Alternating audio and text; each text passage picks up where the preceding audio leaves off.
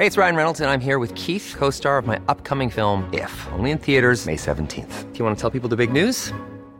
All right, I'll do. Sign up now and you'll get unlimited for $15 a month in six months of Paramount Plus Essential Plan on us. Mintmobile.com slash switch. Upfront payment of $45 equivalent to $15 per month. Unlimited over 40 gigabytes per month. Face lower speeds. Videos at 480p. Active Mint customers by 531.24 get six months of Paramount Plus Essential Plan. Auto renews after six months. Offer ends May 31st, 2024. Separate Paramount Plus registration required. Terms and conditions apply if rated PG. I'm Sandra, and I'm just the professional your small business was looking for. But you didn't hire me because you didn't use LinkedIn jobs. LinkedIn has professionals you can't find anywhere else, including those who aren't actively looking for a new job but might be open to the perfect role, like me. In a given month, over 70% of LinkedIn users don't visit other leading job sites. So if you're not looking on LinkedIn, you'll miss out on great candidates like Sandra. Start hiring professionals like a professional. Post your free job on linkedin.com/people today. Burrow's furniture is built for the way you live. From ensuring easy assembly and disassembly to honoring highly requested new colors for their award-winning seating, they always have their customers in mind. Their modular seating is made out of durable materials to last and grow with you. And with Burrow, you always get fast, free shipping. Get up to 60% off during Burrow's Memorial Day sale at burrow.com slash ACAST. That's burrow.com slash ACAST. burrow.com slash ACAST. Generaler, admiraler, medlemmer, gjester. Varmt velkommen, godt nytt år, til det første møtet i vårsemesteret 2024. Og så ser jeg at det buler på lommene, sånn at alle sammen har tatt med seg både ett og to programmer som lå til utdeling her nede, slik at dere kan vise venner og kolleger for et interessant program vi har i vårsemesteret. Og så må dere ikke glemme at det gjelder enn så lenge, men endringer kan påregnes. Det hender folk blir syke samme dag som de skal ha foredrag osv. Så, så følg med på nettet. Følg med på hjemmesiden vår, vær så snill. Nyttårsball. Vi har passert 80 påmeldte. Så hvis det er noen som har glemt å melde seg på og har veldig veldig lyst, så eh, ta kontakt. Men nå fylles det fort opp eh, her. Så Det går knapt en dag uten at USA er i mediebildet. Det går knapt en dag uten at USAs ledelse, eller manglende interesse for å lede i internasjonal sammenheng, er på agendaen. Europa uten USA, hva blir det? Trekker USA tilbake ifra en internasjonal ledelsesposisjon? Hva gjør vi da? En av de som har tenkt, analysert og skrevet mye om dette, behøver ingen ytterligere introduksjon for dette publikum. Det er forfatter, journalist, analytiker Jan Arild Snoen. Dette er den siste boken han har skrevet. Den er ute på markedet nå. Vi har liggende en liten bunke her ute, så eh, hvis noen vil lese mer om dette, ta kontakt etter foredraget her fremme, så er eh, boken til salgs. Du får slå på disse på-knappene fra alt vi har eh, sæla på deg, Jan Arild. Talestolen er din.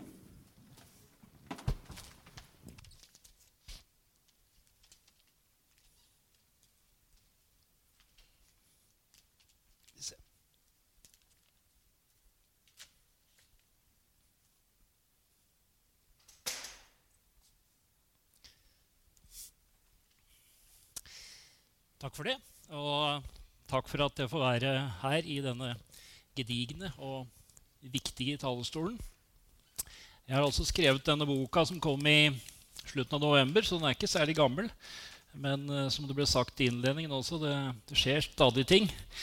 Jeg skal ikke gi noe sånn nøye oppdatering av akkurat hva som skjer i amerikansk politikk de siste dagene. Det får vi eventuelt ta i, i uh, spørsmålssekvensen. Men denne boka den handler jo egentlig om to ting som jeg prøver å sy sammen. Den handler om antiamerikanisme som et fenomen over lengre tid. Og det, eh, relevansen i dag for Europa. Først og fremst for Europa. Det er Europa som er fokus i denne boka.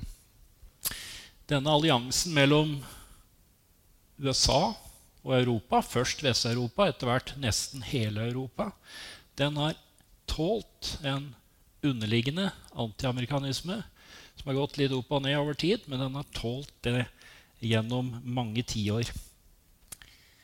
Spørsmålet nå er om alliansen vil tåle et angrep fra den andre siden. En president som både bekrefter alle de antiamerikanske fordommer som vi har i Europa, med god eller dårlig grunn, samtidig som denne presidenten, og da snakker vi jo selvsagt om Trump, ikke er spesielt interessert i dette samarbeidet.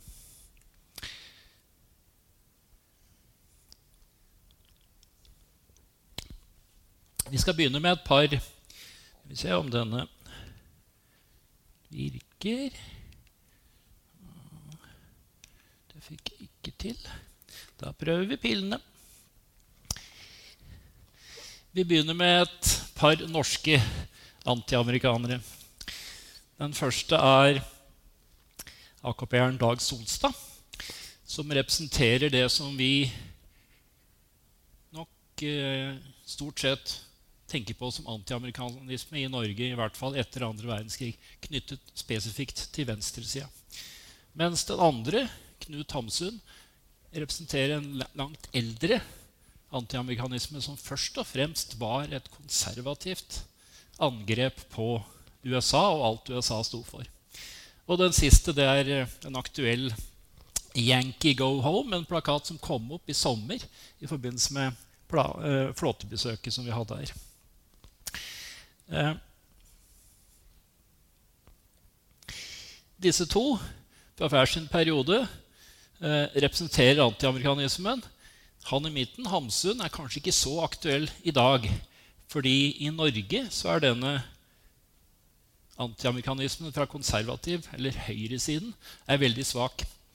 Mens i Europa, og det kommer jeg tilbake til etter hvert i foredraget, så er det igjen en sånn høyreorientert antiamerikanisme på vei, knyttet til det vi nå gjerne kaller for nasjonalkonservative partier. Og så har vi da han her. Og han kommer vi mye tilbake til etter hvert. Jeg skal bruke noe tid på antiamerikanisme som sådan fordi det er en såpass viktig del av boka mi, mens mesteparten vil nok dreie seg da om dagens utenrikspolitiske utfordring. Men la oss nå begynne da med kanskje mest Altså Hvis du skal uh, uttrykke antiamerikanismens enkleste og kraftigste uh, form, så er det jo på denne måten. Uh, noe som Dag Solstad sa i et bokprogram med Hans Olav Brenner for en del, tilbake, en del år tilbake. Eh, han fikk et oppfølgerspørsmål fra Brenner. Men hva er det liksom Hva er det han hater mest med USA? Da sa han alt. Det var alt. Dette er en veldig ekstrem form som ikke er vanlig. Eh, og å koke antiamerikanisme ned til dette gjør det egentlig ikke spesielt interessant, fordi det ligger så langt ute på, på siden. Men allikevel, da. Dette er det reneste vannet. Det er kanskje i litteraturen så er det vel en slags enighet om det er kanskje 5 noe der omkring i vestlige land som kan plasseres ikke helt der, men i nærheten av det, at de er konsekvent eh, antiamerikanske. Men så er det betydelig større andeler som vi skal komme tilbake til, som under gitte omstendigheter, og særlig på ulike områder, kan ha holdninger som er sånn. Jeg bruker i min bok eh, tar utgangspunkt i en definisjon som er laget av to, de kanskje to fremste ekspertene på dette, som heter Katzenstein og Keohane. Det er to amerikanske uh, statsvitere. Og her er det altså en tendens til et negativt syn på USA og det amerikanske samfunnet generelt. Og generelt er det viktige ordet her.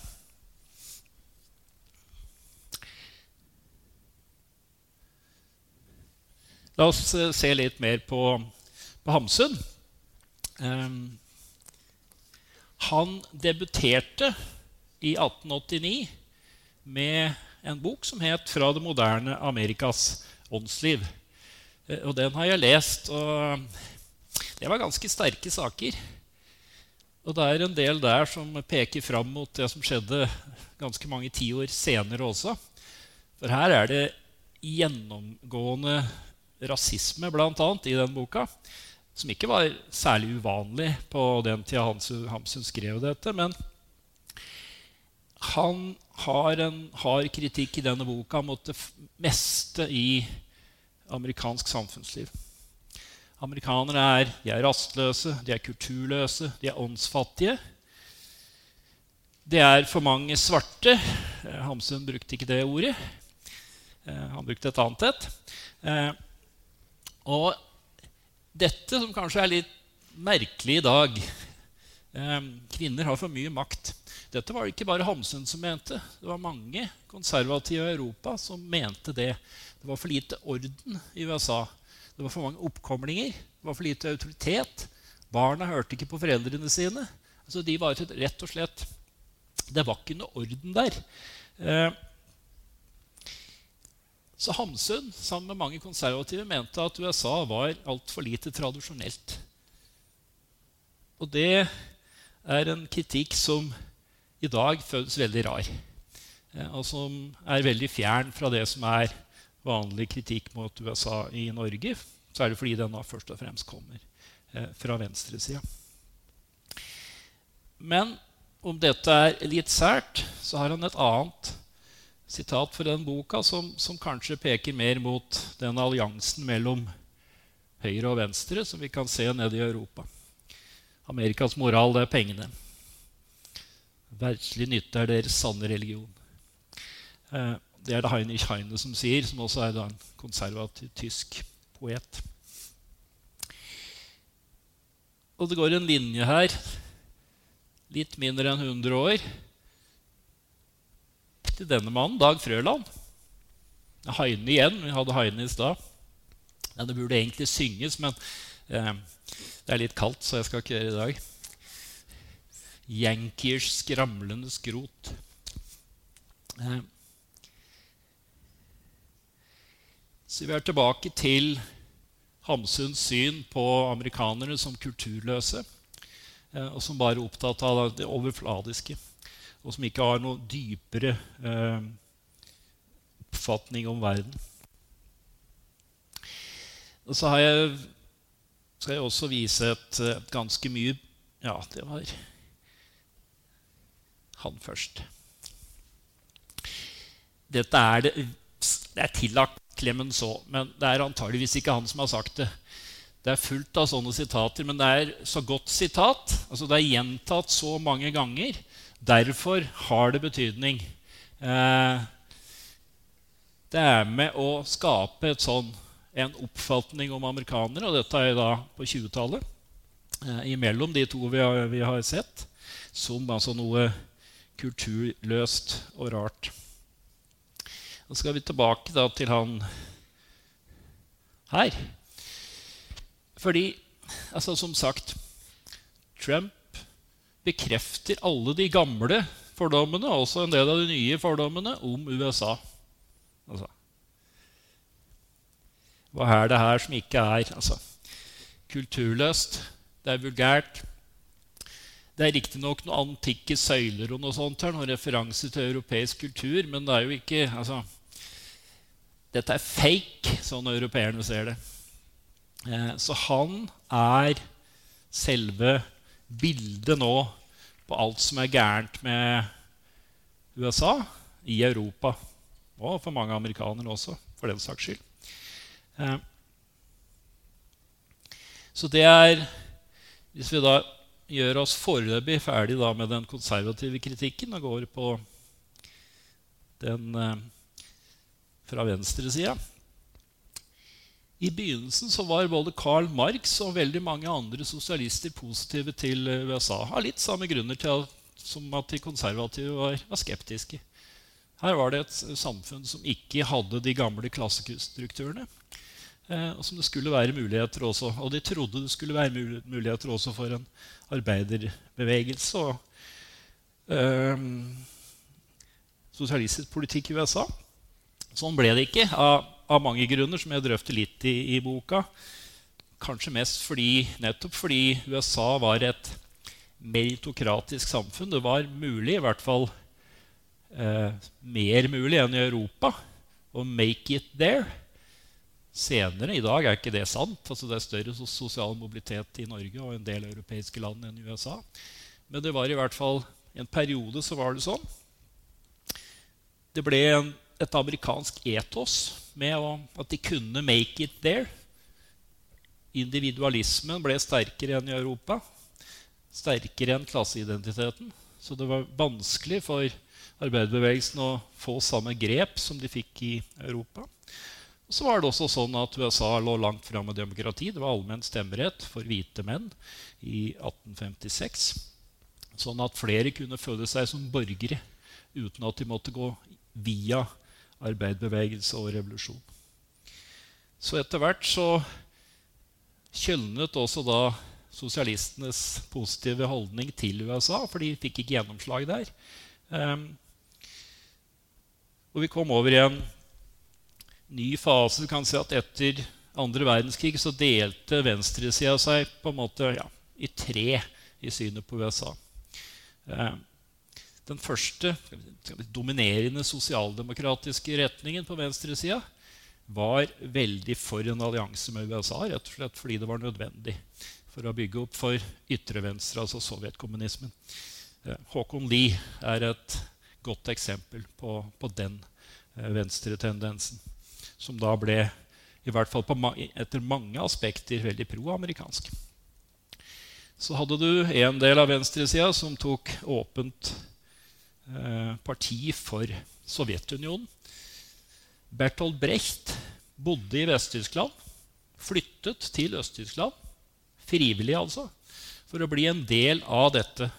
Eh, og han ble da kanskje den viktigste eh, intellektuelle i den østtyske eller den tyske demokratiske republikken.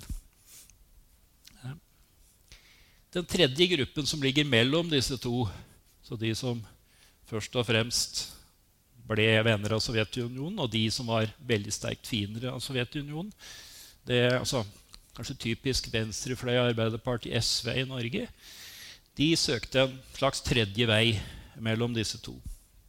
Men den tredje veien var sterkt USA-kritisk og hadde ofte slagside. Og så sent som i dette årtusenet så hadde SV i en kort periode i sitt program at USA er den største trusselen mot verdensfreden.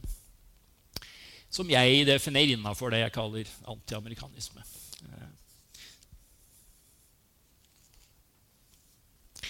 Så mens denne konservative kritikken mot USA eh, først og fremst handlet om at amerikanere var enkle, barbariske, kulturløse, så handlet den venstreorienterte kritikken mye mer om, ved siden av et angrep på kapitalismen, mye mer om at USA er og var for mektige og bruker denne makten feil.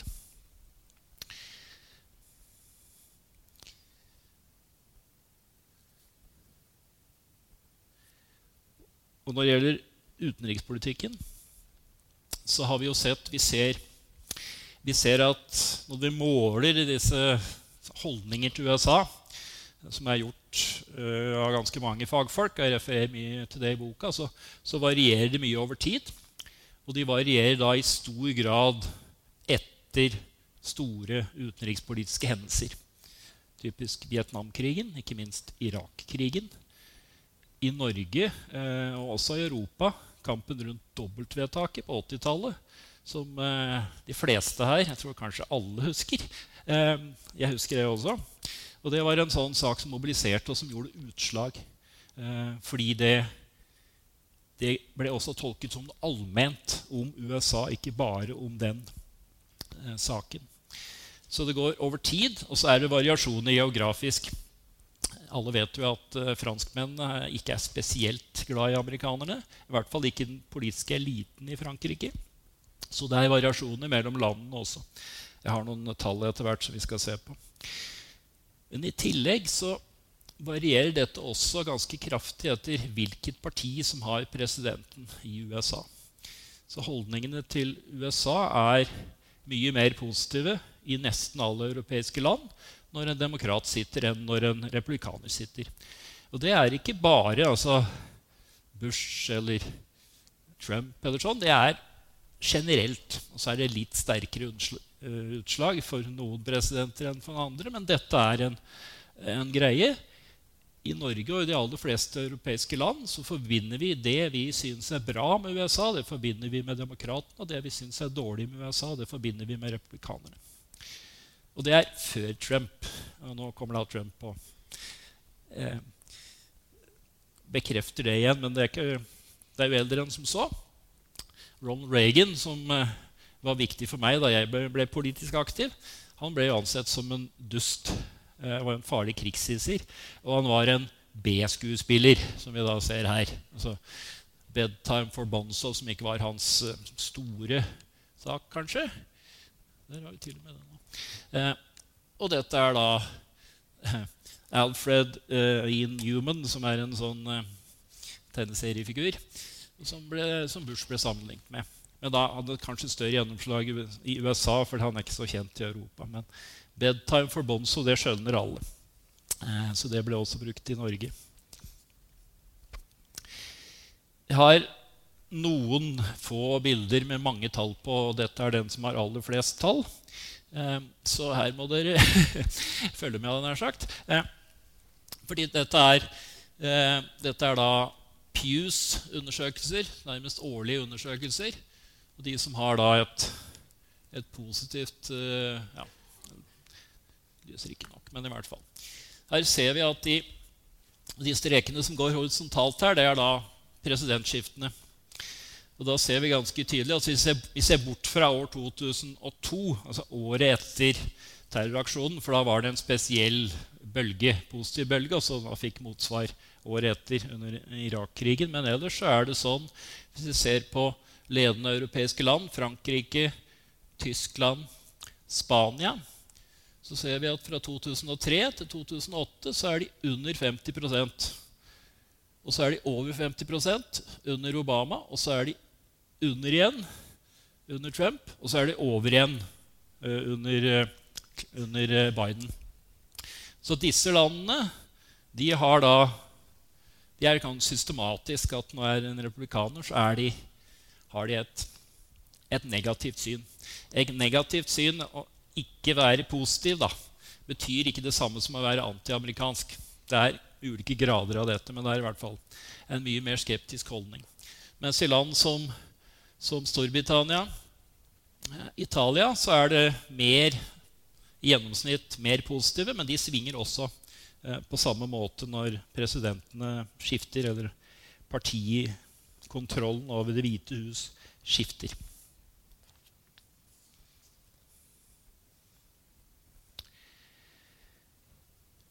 I Europa så, så, skjønner vi at uh, amerikansk politikk går litt i bølger, og at det ikke er et parti som skal sitte hele tiden.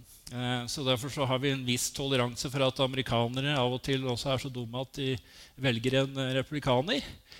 Det som er verre, er når de gjenvelger en republikaner. Og særlig en som vi syns har gjort veldig mye dumt. Eh, da ser vi her også at, at tallene endrer seg. Dette er engelske tabloidavisen Daily Mirror. Altså, hvordan kan 59 millioner også sånn, sånn, være så dumme. Det er etter at de da gjenvalgte Bush. Og dette var en veldig utbredt forestilling i Europa, eh, også i, i, Norge, at ok, de kan ta feil, men nå har de jo sett hva slags menneske dette er, og likevel så gjenvelger de ham. Det gjør at vi da også begynner å se annerledes på amerikanere, og de kan være så dumme. Og vi kan nå komme i samme situasjon igjen i slutten av året. Jeg har, siden jeg ble politisk aktiv på 80-tallet, eh, alltid hatt mitt sympati blant republikanerne. Også under han der.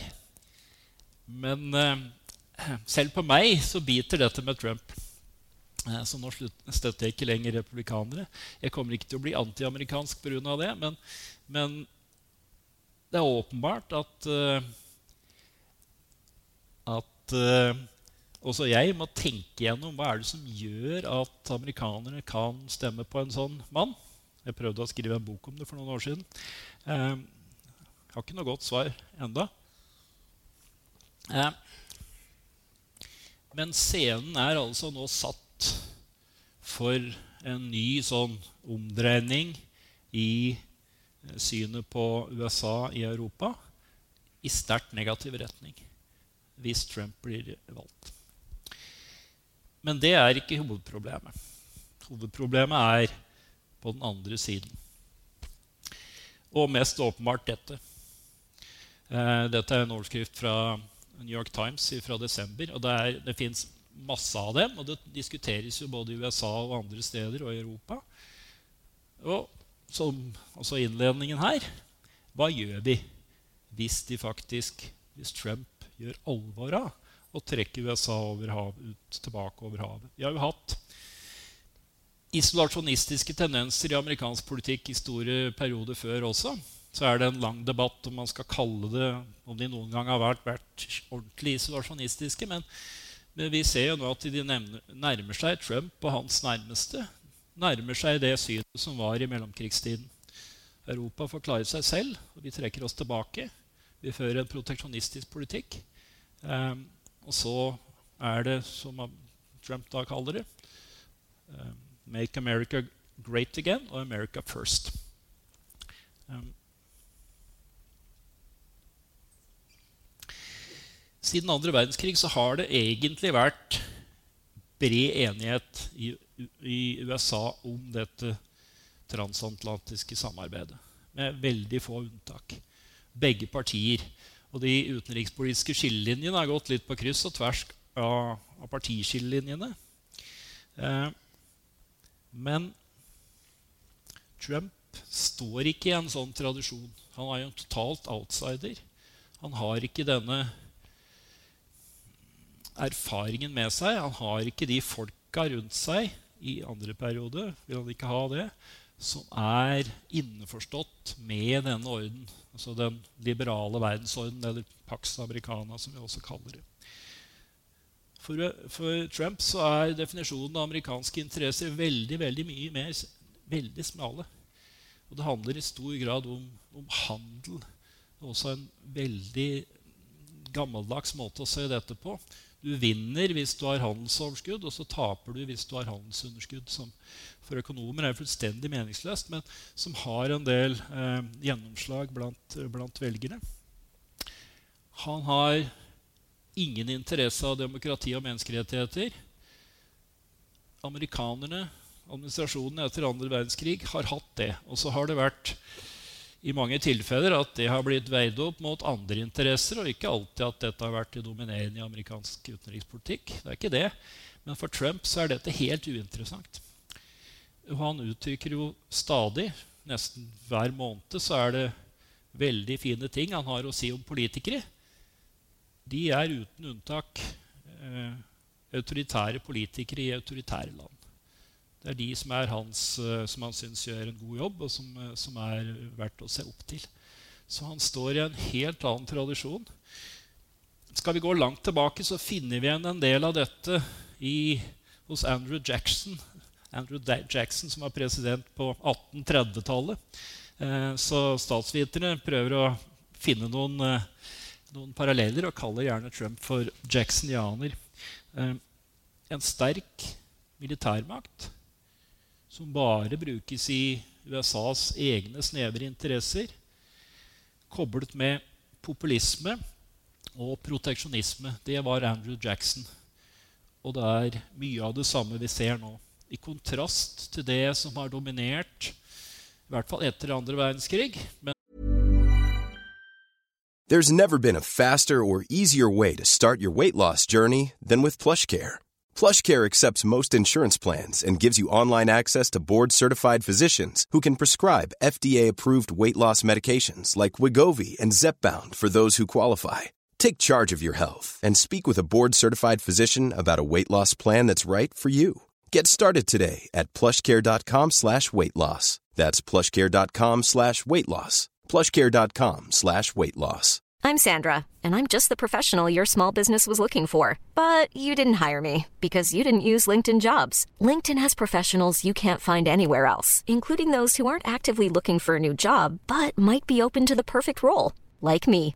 In a given month, over 70% of LinkedIn users don't visit other leading job sites. So if you're not looking on LinkedIn, you'll miss out on great candidates like Sandra. Start hiring professionals like a professional. Post your free job on linkedin.com/people today. Men, eh, som da prøvde å altså, Spiren ble sådd av Woodrow Wilson første verdenskrig og årene etter. Han fikk ikke eh, landet sitt helt med på det da, men etter andre verdenskrig så, så tok wilsonismen over og har dominert. Trump truet med å gå ut av eh, Nato allerede i 2018. Noe av det kom offentlig ut, det andre var, altså det var ting som ble sagt og drøftet uh, internt. Og det er kommet en del sånne uh, beretninger fra innsiden etterpå. Uh, han ble stoppet den gangen av sine rådgivere. Da hadde han rådgivere som var en del av establishment i USA. Som tror på denne amerikanske orden. Altså folk som Mattis, Kelly, McMaster, Bolton. De sto i den tradisjonen. Én etter én så forsvant disse ut. Enten sparket eller eh, trakk seg fordi de ikke kunne samarbeide med han. I neste runde, hvis han blir valgt, så kommer han ikke til å ha Kanskje ikke noen av den typen. Kanskje noen få. Men i all hovedsak vil han ha ja-folk rundt seg. Som ikke står i denne tradisjonen, og som først og fremst er ute etter å, å si det Trump vil de skal si til ham. Disse rådgiverne i 2018 de hadde ett Trump-kort med F som de kunne bruke overfor Donald Trump når han vurderte å gå ut av Nato. Det var at det amerikanske folket var sterkt imot det. Og han ville risikere å tape gjenvalg hvis han skulle gjøre noe sånt. Det var et argument som Donald Trump skjønte, eh, og som han etter hvert da lot seg overbevise om. Blir han valgt nå, så kan han bare sitte i fire år til. Trenger ikke å tenke på gjenvalg. Han har fremdeles en legacy. Så er det en, sånn, en liten sånn eh, eh, astriks på dette at eh, av og til møter ja, men det er ikke sikkert han går av etter fire år. Nei, altså, men vi, vi, kan jo ikke komme dit at vi hele tiden skal liksom ta forbehold om at han ikke begår statskupp eh, og gjør seg selv til diktator. Eh, det, det, vi får krysse den eh, brua når vi kommer dit, for å si det sånn. Men han har disse fire årene, og de skal han da bruke til noe stort. Eh, sånn han ser det. Og det kan være å oppløse denne alliansen. Eh, og så kommer da en kobling til denne underliggende antiamerikanismen. Fordi hvis Trump nå havner der etter hvert, så kan det være ganske mange i Europa som sier at uh, ja, da får han gå, da. Hva skal vi med denne mannen? Hva skal vi med amerikanerne når de er sånn? Altså, så han mobiliserer da en sånn underliggende antiamerikanisme som særlig ligger på, eh, på venstresida, men deler av høyresida i, i Europa. Men også en litt sånn Vi er så lei av dette nå. Det kommer vi til å høre mye i 25 og 26, tror jeg, hvis Trump uh, blir valgt igjen. Eh, så kløften vil øke. Om den faktisk vil øke så mye at det blir et fullt brudd, det, er, det tror jeg ikke, men det kommer jeg litt tilbake til også. Eh,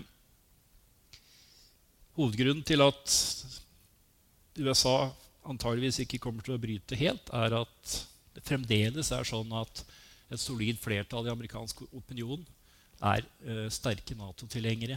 Men det har skjedd ganske mye fra 2016, 2017, 2018, da Trump i liten grad klarte å dra med seg eget parti i utenrikspolitikken. Der var han i mindretall blant egne velgere, synet på, særlig synet på Russland. Eh, også synet på Nato. Så var han sterkt mindretall, fordi replikanerne var mer mot eh, Russland, og de var sterkere for Nato enn eh, demokratene var. Men det vi ser nå, er at de republikanske velgerne har overbevist seg selv om at mannen har rett i ett og alt 60-70% av dem har det. Så hvis Trump nå sier 'gå dit', så gjør de det. Mens for noen år siden så ja, litt her og der. Men nå kan han i mye større grad dra opinionen med seg hvis han virkelig vil. Eh, så faren er større. Men det kommer ikke å utløses av en sånn at eh, Donald Trump straks, hvis han blir innsatt 20.1. Eh, neste år, sier at nå melder seg Nato. Det som er utløsen her, det er eh, hva som skjer med Ukraina. Trekker USA seg helt ut av støtten til Ukraina, og hva gjør i så fall Europa? Eh, for det er jo riktig som Jens Stoltenberg sa for en tid tilbake, at uten USAs sterke og raske støtte i begynnelsen av krigen, så hadde Ukraina falt jeg tror det er riktig, og jeg tror, jeg tror at Stoltenberg har rett i det. Eh, så har det skjedd noe. Dette er en oversikt jeg rappa fra Economist, men de kommer da fra, fra Kiel-instituttet, som har en løpende oppdatering av, av støtte eh, fra ulike eh, land til eh, Ukraina, både militær og finansiell. Og dette er vel å merke, dette er forpliktelser. Det er ikke utbetalt eller overført.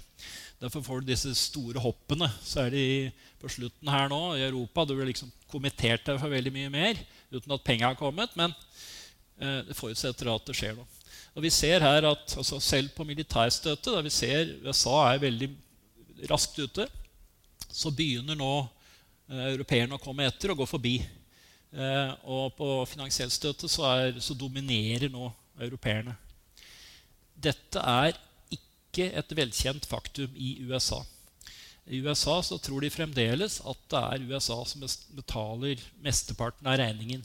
Så det er en pedagogisk utfordring eh, å få det eh, videreformidlet i USA at Europa er faktisk i ferd med å ta en større del av regningen eh, som hvis det får gjennomslag, blir erkjent i USA, vil øke sjansen for at USA fortsetter å hjelpe. For det amerikanerne sier, det Trump sier, og veldig mange replikanere sier, at det er Hvorfor skal vi betale hele regninga? Det har de rett i også. Det er ikke noen grunn til det. Altså, det er riktig at Europa må ta en større del av denne byrden. Eh, og det er Europa i ferd med å gjøre, i hvert fall opp til nå. Vi vet jo at det er trøbbel med disse nye pakkene. Både i EU så er det Ungarn som blokkerer. Jeg tror de klarer å finne en løsning på det. I USA så er det republikanere som blokkerer i Kongressen. Jeg håper de finner en løsning på det i løpet av januar. Det må de nesten, for nå begynner dette å bli alvor. Så det er sånn at uh, Mangelen på, på, penger faktisk har effekt på hva som overføres av våpen og penger. Uh, så det må nye bevilgninger til.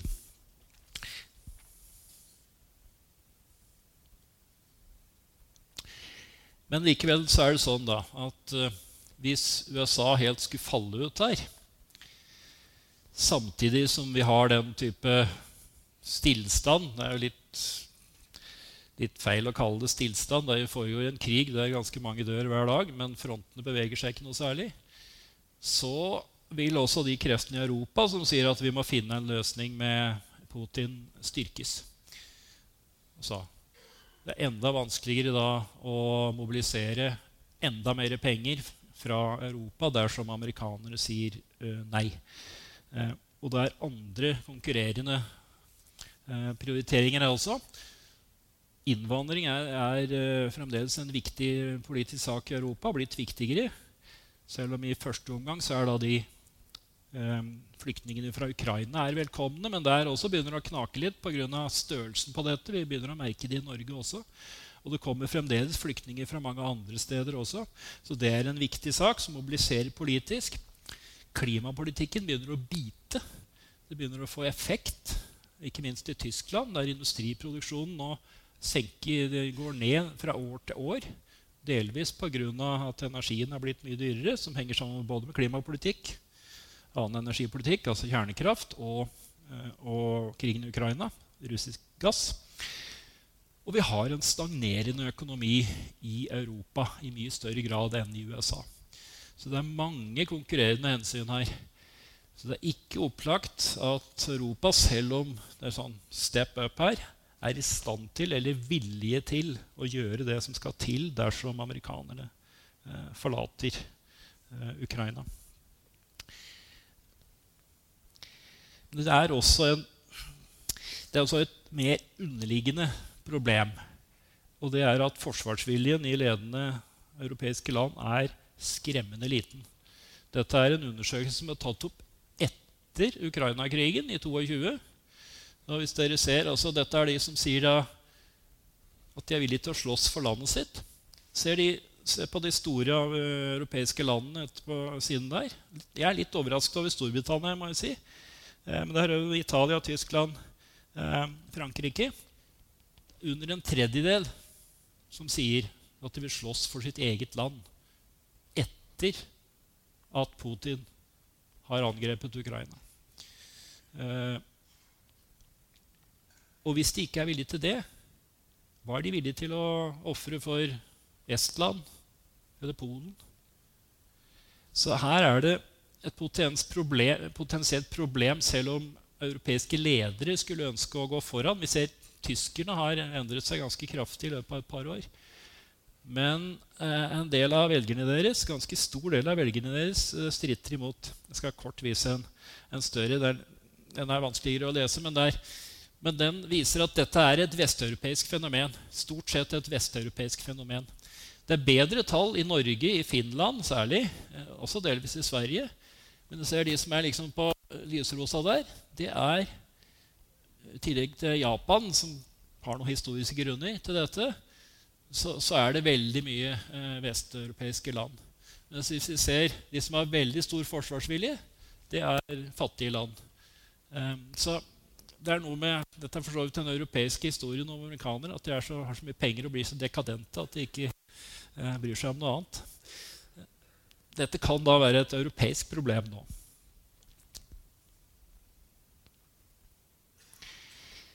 Under, eh, under Irak-krigen så laget uh, Simpsons, altså Fox-serien uh, Simpsons de, hadde, de, fant opp dette begrepet om franskmenn. Cheese-eating surrender monkeys. Og det, det, overlevde noen år som en sånn amerikansk Hvordan amerikanere ser på europeerne. Som ikke er egentlig villige til å altså, De er ikke villige til å ofre noe. De er bare det er litt sånn motsatt av, av europeernes syn på amerikanere tidligere. Bare opptatt av penger. Det er sånn i Europa også, bare opptatt av uh, sine lange ferier og, og, god velferdsstat og sånn. Egentlig ikke villig til å ofre noe. Eh, så det ligger også en sånn, særlig blant republikanere, en sånn holdning til eh, europeerne. At europeerne egentlig ikke er villige til å gjøre det som skal til. Som da blir et tilleggsargument. Hvorfor skal vi for det er vi som må redde dem hver eneste gang dersom de ikke selv eh, er villige til å gjøre noe.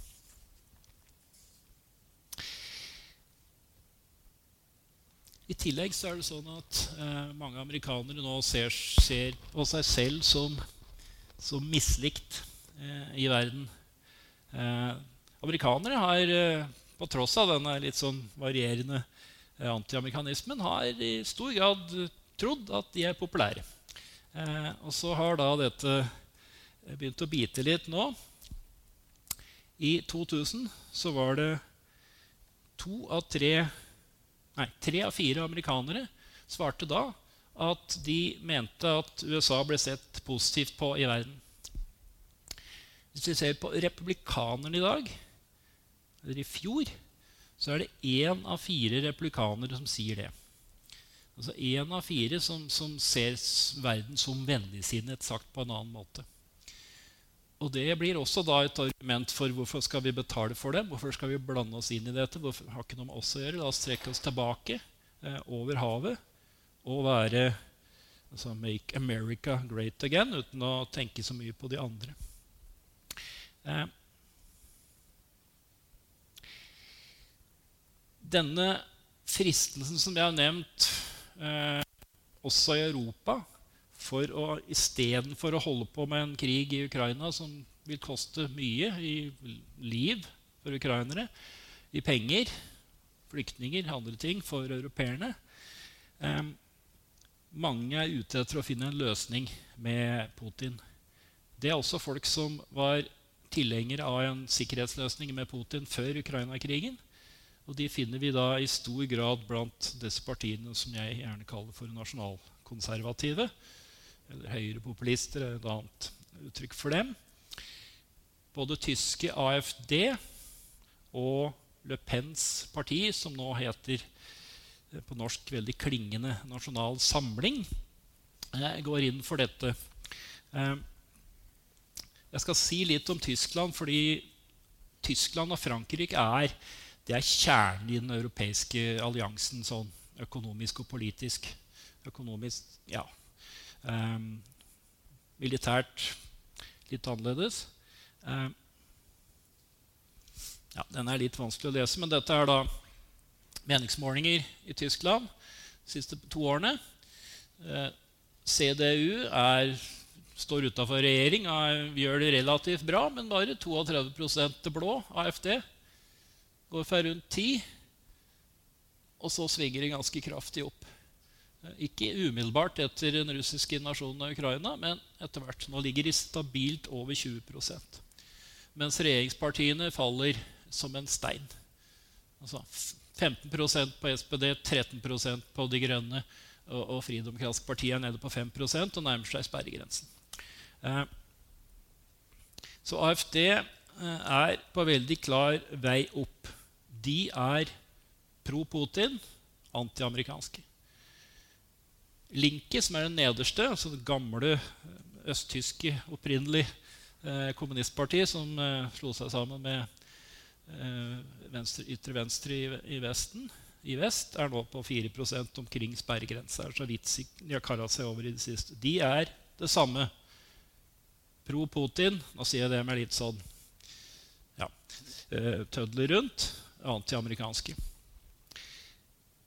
Så dette er altså eh, hesteskoen som jeg straks skal komme tilbake til.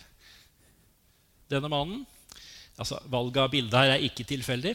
Eh, dette er Bjørn Høkke. Han er ikke leder av AFD, men han er leder av en fraksjon innen AFD som kaller seg Fløyen. Og de er ganske hardkokte. Jeg vil ikke kalle Bjørn Høkke for nazist. Det er faktisk ikke lov å være i Tyskland. Um, men han ligger langt ute, og han driver mye av det som foregår nå i, på høyresiden i, i Tyskland. Og så skjer det noe interessant nå også rundt dette som vi kaller hesteskoteorien. At det er fløyene på ytterkanten de begynner å nærme seg igjen i enkelte spørsmål går rundt, sånn at ytre høyre og ytre venstre eh, blir enige om viktige ting. Og dette synet på krigen i Ukraina, synet på USA, der skjer dette nå i Tyskland. Og hun som symboliserer dette, det er damen her som heter Sara Wagenknecht. De to bak der, Han ene kjenner dere, det er eh, Sergej Lavrov. Han andre er han er Sara Wagenknechts tidligere ektemann, som heter Ralf Niedermayer. Han begynte som eh, ytterliggående kommunist. Giftet seg med Sara Wagenknecht, som var leder, parlamentarisk leder for De Linke. Eh, og han prøvde her i 22 eh, å begå statskupp. En litt sånn parodiaktig, noe de kaller for riksborgerbevegelsen med en, en, greve, var det vel. Han dro til Niedermayer dro til Moskva for å liksom forhandle fram en ny sikkerhetsordning. Jeg vet ikke om Lavrov tok han på alvor. Denne mannen er en perifer mann. Men han er altså uh, Sara Wagenknecht sin tidligere ektemann. Denne mannen, som er Sara Wagenknechts nåværende ektemann, han er ingen perifer mann. Dette er, uh, dette er Oscar, Lafontaine, tidligere leder i SPD. Uh, som han har meldt seg ut av. Så ble han leder av De Linke, som begge to nå er utmeldt fra. Eh, og han skrev da denne boka for et par år, siden. sa. Yankees go home, på, sagt på en annen måte. Derfor står da dette, denne plakaten fra, fra Oslo der sammen med dem også. Wagenknecht har startet en organisasjon som skal bli et parti som kommer til å stille til valg ganske sikkert. Og det ble tatt opp noen målinger i, i november etter at det ble klart. Her ser vi det er BSV, Bondenis Sara Wagenknecht. Hun er jo så beskjeden at hun oppkaller partiet sitt etter seg selv. Eh, hun påstår at hun ikke skal lede dette partiet, da. men jeg tror det var jeg vil om det. AFD, Wagenknecht-partiet, 30 I år så er det tre delstatsvalg i Øst-Tyskland. Det kan godt hende at de to partiene får flertall i alle de tre statene. Det er et politisk jordskjelv i Tyskland. De forsøker nå å, å liksom bremse dette og danne allianser mot det. Men problemet når de gjør det, er at det, bare, det styrker dem som du lager allianser imot. Så dette er Jeg tror ikke de får flertall i, i nasjonalforsamlingen i Tyskland. Men når tyske partier som er pro Putin og mot USA, har tre av ti velgere bak seg, så er det noe som foregår. Um, disse er for så vidt, for så vidt glad i, i, Trump, det er ikke det. Men uh, det er fordi de har litt samme mål. Um, for å være enda dystrere så får vi da gå til det andre landet. Det andre, den andre sentrale makten, altså Frankrike. Er det tas opp få målinger i, i, Frankrike. Det er den tradisjonen de har. Dette er en av dem, og det, alle viser det samme. Hvis Macron nå stilte opp mot Le Pen, så ville Le Pen vinne. Eh, nå er ikke det mulig, fordi Macron kan ikke stille igjen. Men målingene viser nå konsekvent at den eneste som slår Le Pen, det er Edouard Philippe, som var Macrons første statsminister. Men han må først da bli nominert på høyresida det som har skjedd i Frankrike de siste 20-25 år eh, årene, er at tidligere så var det utenkelig for folk i sentrum og moderate konservative og på venstresida å stemme på Le Pen i andre valgomgang, som jo er viktig i Frankrike, som har det på presidentvalg. Nå er de barrierene brutt. Ganske solid. Konservative stemmer på Le Pen i andre runde. Og venstresidas partier har begynt å stemme på Le Pen i andre runde. Og Derfor får vi dette. Så det er altså de som eh, tilhører ytre venstre i Frankrike nå Flere av dem sier at de, vil heller stemme på Le Pen enn å stemme på en konservativ og en liberal. Hesteskoen igjen. Og de har altså dette Også de i Frankrike har dette felles synet på USA og på eh, Ukraina-krigen, og i stor grad på eh, Putin. Så er det ja, snart går inn for landing her. Så er det flere grunner til at, eh, at både AFD og, og, Le Pen eh, går fram. Det har veldig lite med deres antiamerikanisme å gjøre. Det har en del med deres syn på Ukraina-krigen å gjøre. Eh, jeg slutter i boken med en dystopi for 2027. Eh, det er en sånn, skremme, en sånn skremmeskudd på en halv side. Trump er president i USA. Le Pen har blitt president i Frankrike.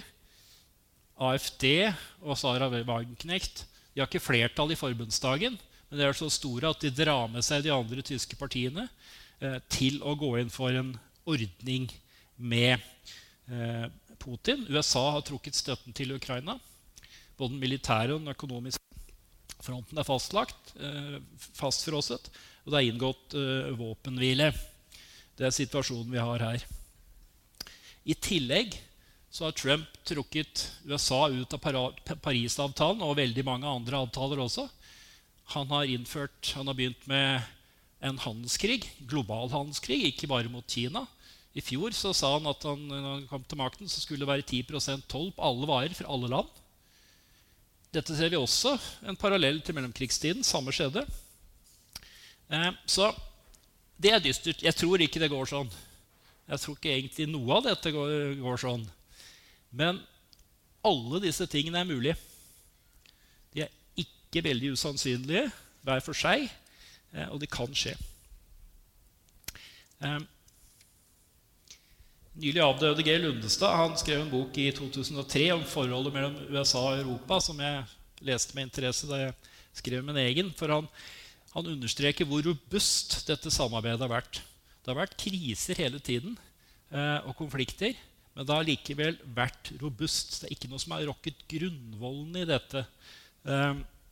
Men det er ikke sikkert dette varer. Ukraina-krigen kan slå begge veier. Det kan både føre til en sånn, egentlig et ordentlig skille mellom USA og Europa, men det kan også føre til at Europa tar større ansvar for sitt eget forsvar og trapper opp. Og, derimot, og dermed imøtekommer en del av de amerikanske Eh, kritikken. Dette er tall som dere kjenner til. altså Det er forsvarsutgiftene som er på vei opp nå. Vi ser det er 2 %-mål er egentlig fra 2006. Skjedde ikke noe. Eh, første Ukraina-invasjonen i 2014 skjedde fint lite. Den som skjedde i 22, den begynte å skape endring. Og Særlig da hvis vi ser på land som, som Polen, som jo ruster enormt opp. Finland gjør det også. Flere kommer etter. Så vi er i ferd med å step up her. Og det er det, det som kan være det, det viktige, den viktige løsningen på dette. Fordi USA og Europa har fremdeles et viktig verdifellesskap. Og vi har et interessefellesskap. Men på lengre sikt så kommer USA til å se mer mot Asia. Det har de holdt på med i 20 år. Så skjer det alltid noe i Midtøsten eller andre steder som gjør at de får det ikke helt til. Men de trekkes i den retningen av, av økonomiske grunner. Europa som økonomisk tyngdepunkt blir svakere og svakere for hvert år som går. Det blir færre folk i Europa, rett og slett. Sånn at denne nære koblingen vi har hatt, den vil svekkes uansett Trump eller ikke. Det er en, lang, det er en sånn megatrend. Én ting som kan forklare det, er at disse direkte menneskelige koblingene vi har, blir svakere og svakere. Altså, det er jo ingen lenger i USA som husker altså, som, er, som, var og kriget i Europa, eh, f.eks. Men befolkningen endrer seg. I 1960 så var det tre av fire utenlandsfødte i USA var fra Europa. I dag er det 11% Så alle som kommer inn, eller nesten alle som kommer inn, endrer eh, amerikaneres perspektiv. Så altså, Den optimistiske storyen ut av dette er at, at ved at vi tilpasser oss denne amerikanske oppfatningen og altså, gir et svar på det, at Europa er villig til å ta et større ansvar for vår egen, vårt eget forsvar, så, vi, så, styrker vi alliansen på lang sikt. Men det fins også mer negative utfall dette, på dette, særlig hvis Trump blir valgt i 25. Og med det så har jeg brukt litt for mye tid og åpner for spørsmål.